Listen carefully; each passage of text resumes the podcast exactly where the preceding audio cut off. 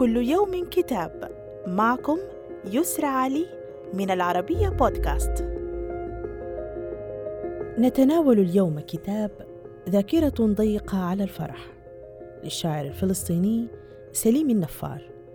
يحكي فيه الكاتب سيرته الذاتية وعن حجم المعاناة التي لقيها الأطفال الفلسطينيون وهم ينتقلون من منفى لآخر بين البلدان العربية.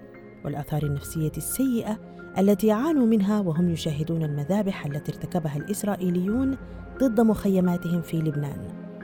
ويتذكر نفار خلال فصول كتابه ذاكرة ضيقة على الفرح منفاه الأول إلى الأردن يوم اقتاده جده من مخيم الشاطئ بمدينة يافا كان عمره وقتها لا يتجاوز خمس سنوات.